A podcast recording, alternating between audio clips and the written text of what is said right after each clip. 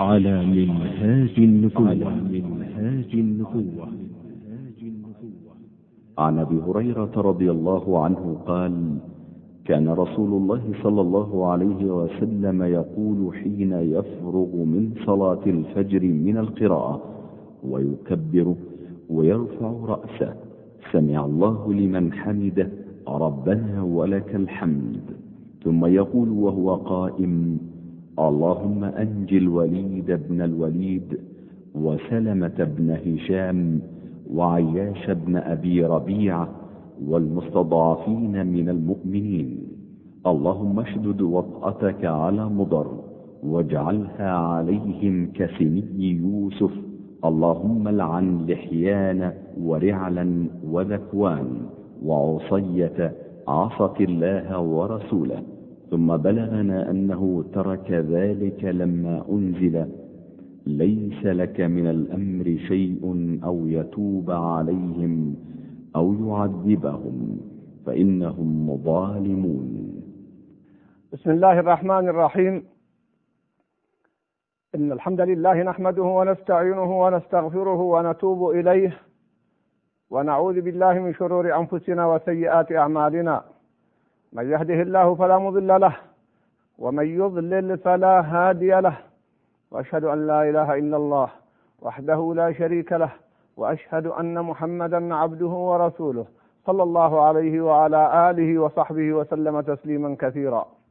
احبتي الكرام أيها الإخوة المشاهدون سلام الله عليكم ورحمته وبركاته. استمعتم إلى هذا الحديث العظيم الذي نقف معه هذه الوقفات التي أسأل الله جل وعلا أن ينفع بها. الوقفة الأولى مشروعية القنوت في النوازل. وقد ثبت هذا عن النبي صلى الله عليه وسلم في أحاديث كثيرة. إذا نزلت بالمؤمنين نازلة إذا نزلت بالمسلمين نازله قنت صلى الله عليه وسلم. قنت اما دعاء للمؤمنين للمستضعفين وإما هو دعاء على أعداء هذا الدين على الظلمة والمجرمين. وقد تكرر منه صلى الله عليه وسلم حتى إنه في بعض المرات ظل شهرا صلى الله عليه وسلم وهو يقنت فما دامت الحادثة والنازلة واقعة فيشرع القنوت على ألا يكون ذلك مستمرا وأبدا حتى لا يصبح جزءا من الصلاة ومن الفريضة. من هذه الوقفات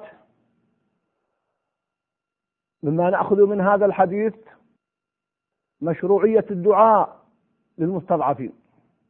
فها هو صلى الله عليه وسلم يدعو لهؤلاء الصحابة بهذا الدعاء العظيم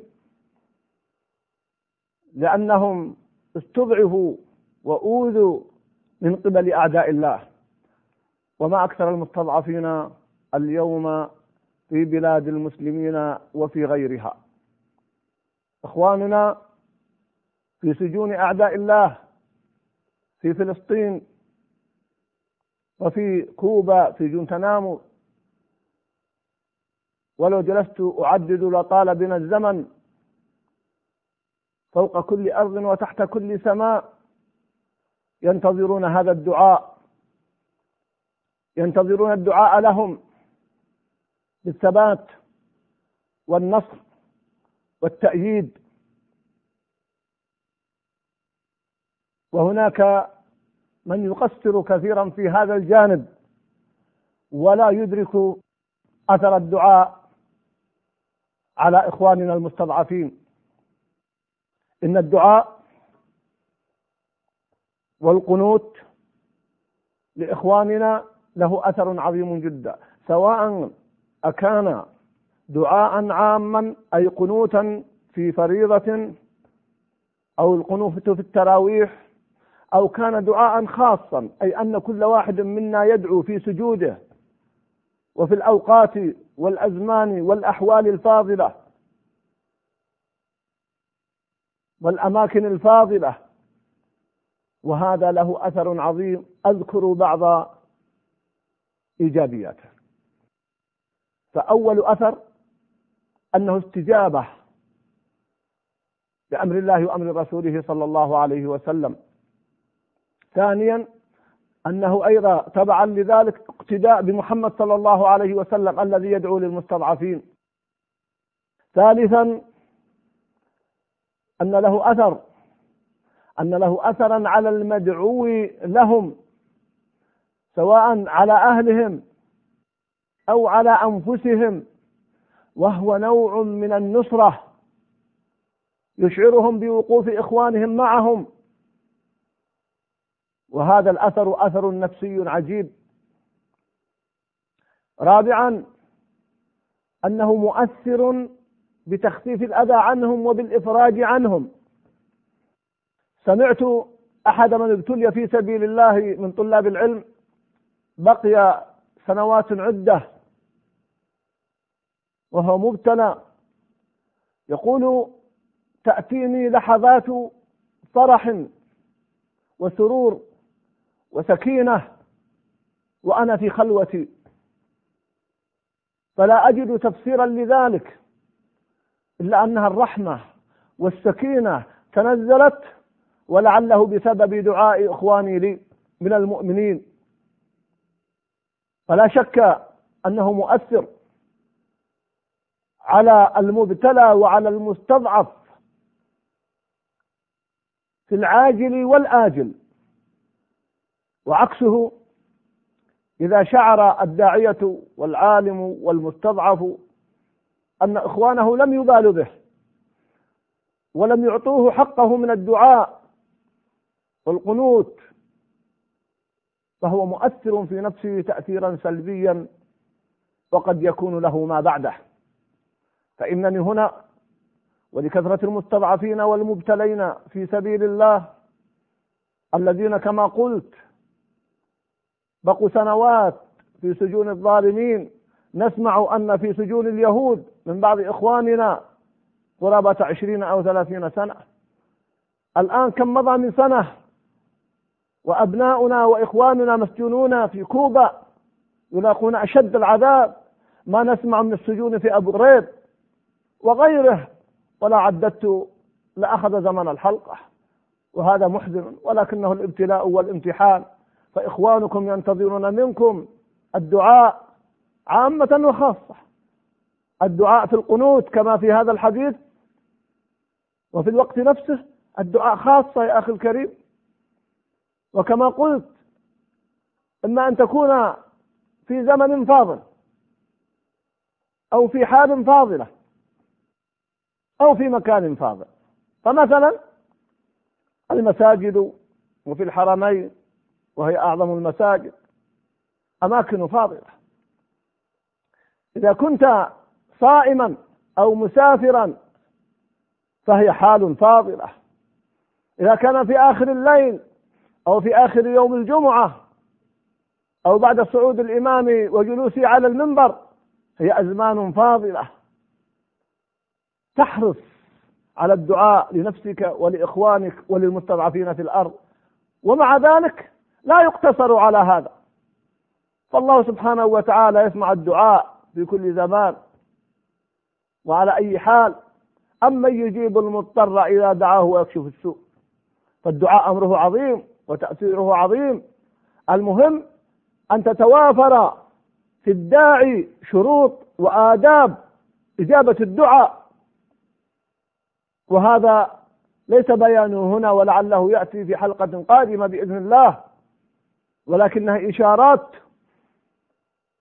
واحذر أخي وأنت تدعو لنفسك أو لإخوانك أن يرد في قلبك فضلا عن لسانك أن تقول أجرب الدعاء. لا الدعاء لا يجرب. يقول عمر رضي الله عنه والله إنني لا أحمل هم الإجابة ولكنني أحمل هم الدعاء. ادعوا الله وأنتم موقنون بالإجابة هكذا ثبت عن النبي صلى الله عليه وسلم. يستجاب للمؤمن ما لم يستعجل. فلا بد من العناية بهذا الجانب والاهتمام به وهو من أعظم الأبواب في التفريج في الكربات وفي التيسير على المعسر. فنسأل الله أن يتقبل دعاءنا لأنفسنا ولوالدينا ولإخواننا المستضعفين في مشارق الأرض ومغاربها. أيضا القنوت ليس خاصا في صلاة الفجر. فقد ثبت عنه صلى الله عليه وسلم أنه دعا في كل الأوقات. فلذلك يقنت في الفجر وفي الظهر وفي العصر وفي المغرب وفي العشاء يقنت في التراويح. إذا نزلت بالمسلمين نازلة.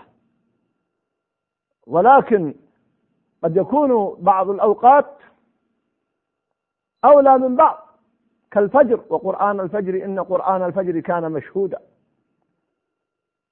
فهذا أيضا يراعى فيه ذلك الجانب لأن البعض يتصور أنه لا يقنت في الظهر أو العصر وأن القنوت خاص بالليل أو خاص بصلاة الفجر. وهو عام لكل الأوقات. وكل ذلك ورد عنه صلى الله عليه وسلم. أيضا هنا مسألة أنبه إليها. وإن كانت ليست مرتبطة بهذا الحديث مباشرة ولكنها إفادة في هذا الموضوع في موضوع القنوت. هناك من يستمرون طول حياتهم في القنوت بعد الفجر. ويعتبرون أن القنوت بعد الركعة الثانية في الفجر جزءا من صلاة الفجر. هذا وإن كان قال به بعض العلماء رحمهم الله ولكنه قول مرجوح بل قول ضعيف. بل كما في حديث سعد بن طارق الأشجعي رضي الله عنه وعن أبيه قال قلت لأبي وسعد تابعي جليل قال لأبيه وهو صحابي جليل. يا أبت صليت خلف رسول الله صلى الله عليه وسلم وأبي بكر وعمر وعثمان وعلي. أفكانوا يقنتون في صلاة الفجر؟ قال هذا الصحابي الجليل أي بني محدث أي بدعة. الاستمرار في القنوت دائما في صلاة الفجر يقول هذا الصحابي الجليل هو بدعة. وهذا هو القول الراجح أنه محدث وأنه بدعة. هذا الحديث رواه الخمسة إلا أبا داود. فلننتبه لهذا. وهذا هو القول الصحيح وأردت أن أنبه إلى ذلك لأهميته. من الأشياء التي أنبه إليها هنا أن بعض الناس يتصور أنه لا قنوت أو أنه لا وتر إلا بقنوت. فيربطون الوتر بالقنوت. وهذا أيضا يحتاج إلى وقفة وإلى تنبيه. فلم يثبت ذلك عن النبي صلى الله عليه وسلم. بل إن بعض الصحابة لا يقنت في الوتر في السنة إلا مرة أو مرتين. وعلى كل حال فالقنوت في الوتر مشروع ويتأكد في رمضان في التراويح ولكن الالتزام به وأن الوتر يعني القنوت والقنوت يعني الوتر لم يكن ثابتا عن النبي صلى الله عليه وسلم. وحديث الحسن عندما علمه النبي صلى الله عليه وسلم ماذا يقول في قنوت الوتر هو أصل في هذا الباب. والمهم هو حضور القلب في الدعاء وفي القنوت. ولا يعني هذا أن ننكر على من قنت ولكن أن يؤخذ ذلك عادة. حتى تجد أن البعض يدعو وقلبه غائب وقلبه غافل. لا. والأولى أن يقنت أحيانا ويدعى أحيانا. بل إن بعض العلماء قالوا حتى في رمضان الأولى أن الإمام يترك القنوت في الوتر ولو مرة أو مرتين مع أهمية وفضل الدعاء في رمضان من أجل أن يتعلم الناس وأن يعرف الناس أن القنوت ليس بواجب. أيضا نجد في هذه المسائل الدعاء على الكفار وهذا درس عظيم أختم به هذه الحلقة. الدعاء على الكفار ولعن الكفار ما حكم ذلك؟ اولا نقول في قوله تعالى ليس لك من الأمر شيء أو يتوب عليهم أو يعذبهم فإنهم ظالمون.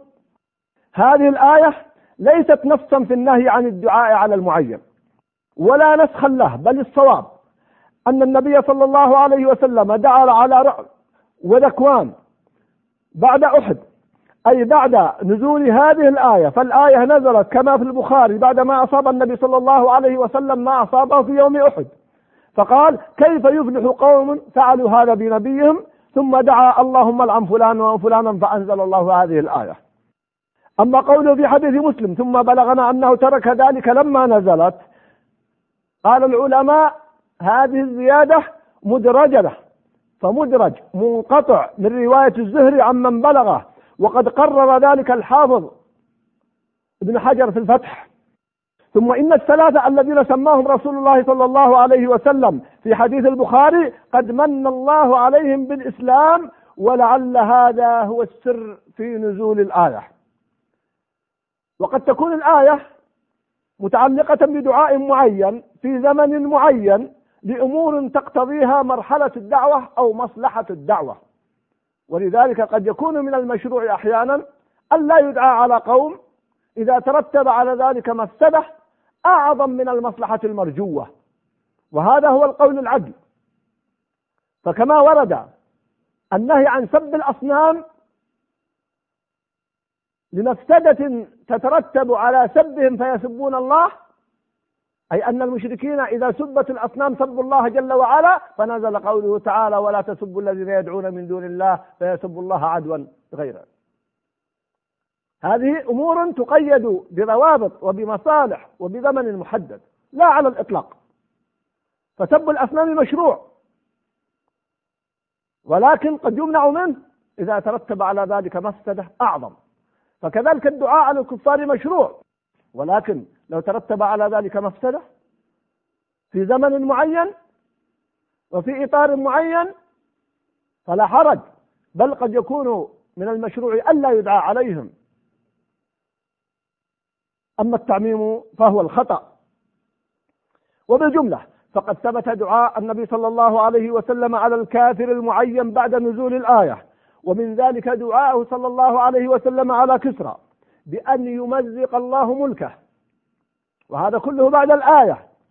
بل أقر الدعاء على الظالم وإن كان مسلما وبين أن دعوة المظلوم مستجابة. بل إن الدعاء على الظالم أقره أبو بكر رضي الله تعالى عنه. وإن جاء من غير المظلوم. وانظر وتأمل ذلك في الموطأ.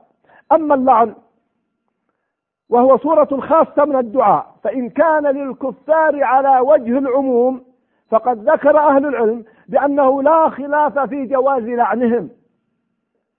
قال الأعرج رحمه الله ما أدركت ناسا إلا وهم يلعنون الكفرة في رمضان. أما إن كان اللعن للكافر المعين ففيه خلاف. والصواب جواز لعن الكافر المعين. الظالم كالحربي لعموم الأدلة على جواز الدعاء على الظالم. فكيف إذا كان كافرا؟ وللعن النبي صلى الله عليه وسلم الأحيان والأكوان. وفي حديث الرجل الذي كان يؤتى به سكران فيحده النبي صلى الله عليه وسلم فقال رجل لعنه الله ما أكثر ما يؤتى به. فقال النبي صلى الله عليه وسلم لا تلعنه فإنه يحب الله ورسوله. فدل على أن من لا يحب الله ورسوله يجوز لعنه. قال ابن العربي والصحيح جواز لعنه لظاهر حاله ولجواز قتله أي المحارب الكافر المحارب. أما إن كان ذميا أو معاهدا أو مستأمنا فلعنه محل نظر. على أن جماعة من أهل العلم قالوا لا يلعن إلا من علمنا أنه مات كافرا. فليتأمل هذا من يلعن أخاه المسلم لذنب أتاه. والمطلوب هو أن نتوسط في هذه المسألة. فأولئك الذين يشددون بعدم جواز لعن الكافر حتى ولو كان حربيا أخذوا جانبا. والذين يتساهلون في اللعن وبدون مراعاة الضوابط الشرعية أخذوا جانبا آخر. والحق والوسط بينهما وبخاصة في هذه الأزمان التي نحتاج إلى الفقه في الدين ومراعاة المصالح والمفاسد والرجوع إلى العلماء في هذه المسائل. أقول قولي هذا وأسأل الله لي ولكم التوفيق وأن ينصر هذه الأمة وأن يعزها وأن يذل أعداءها. والسلام عليكم ورحمة الله وبركاته.